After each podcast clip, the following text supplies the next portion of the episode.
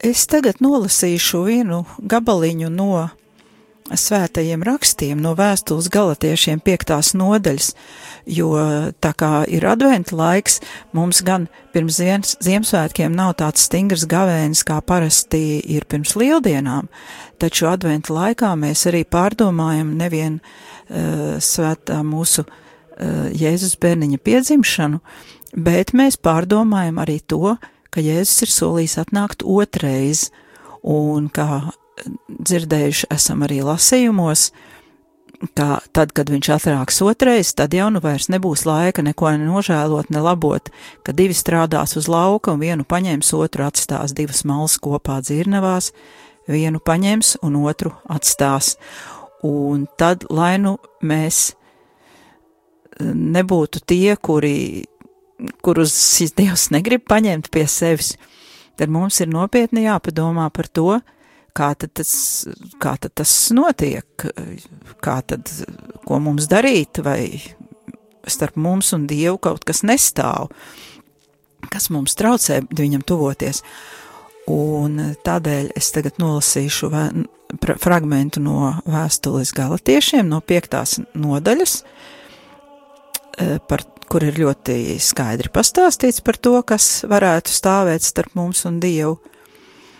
Un pēc tam būs muzika, bet jā, jūs vēlēsieties palūkties, eh, es piedāvāju palūkties Kunga Jēzus Kristus visdārgāko asiņu litāniju, jo Kunga Jēzus asins ir tās, kas mūs atpestī no visiem grēkiem un tās, kuras dod mums pārdabisku spēku pretoties grēkiem un, un pārdabisku drosmi, lai mēs būtu spējīgi pieiet pie grēksūdzes un šos grēkus nožēlot pa īstam, e, tad e, es tagad nolasīšu svētos rakstus, tad mēs mazliet klausīsimies muziku, un muzikas laikā, ja kāds vēlas vadīt uh, Jēzus Kristus svēto asiņu litāniju, tad lūdzu zvaniet uz ēteru uz numuru 67 969 131 bet tagad lasījums no svētajiem rakstiem.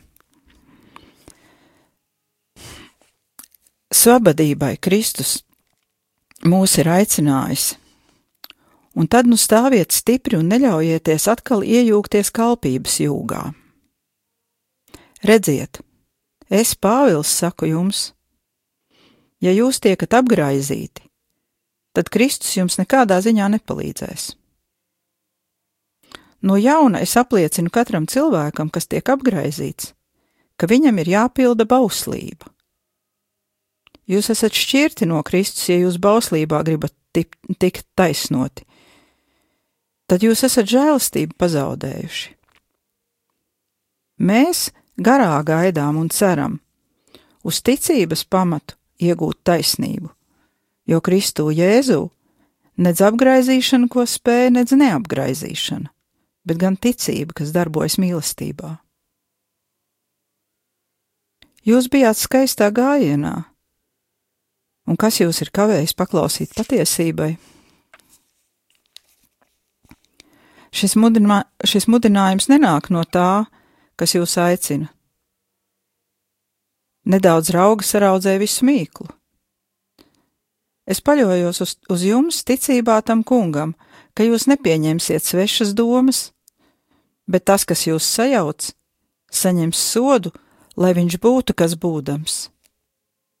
Bet, ja es brāļi sludinu apgraizīšanu, kamdēļ tad es vēl topu vajāts? Tad jau Kristus krusta piedauzība ir beigusies.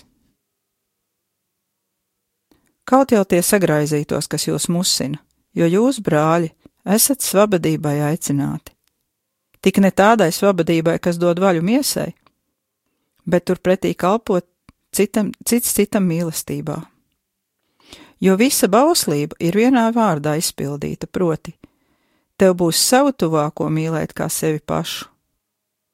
Bet, ja jūs savā starpā kožaties un ēdaties, tad pielūkojiet, ka jūs cits citu neapriet. Bet es saku, staigājiet garā, tad jūs miesas kārību savaldīsiet.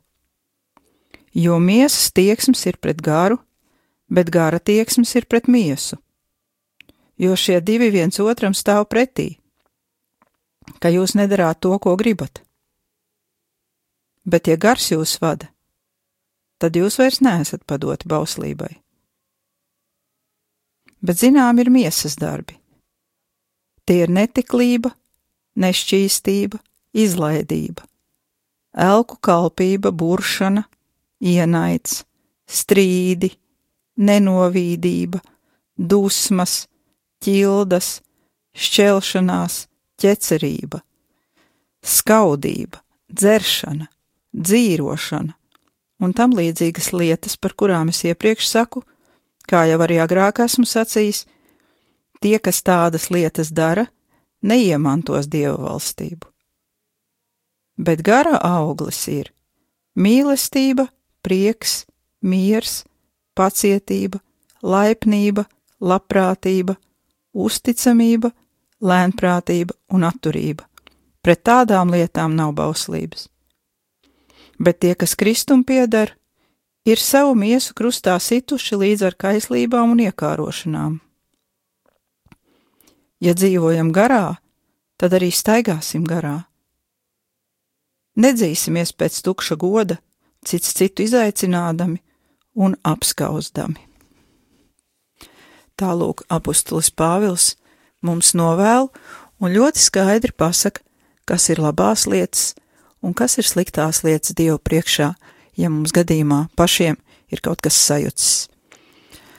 Bet savukārt kāds garīgais tēvs, Dominikāņu priesteris Mūks no 12. gadsimta meistars Ekarts, mācīja diezgan vienkārši – Viņš teica, nekoncentrējieties un nedomājiet par visiem saviem netikumiem un grēkiem, bet domājiet par tikumiem, jo cilvēks kļūst līdzīgs tam, par ko viņš domā.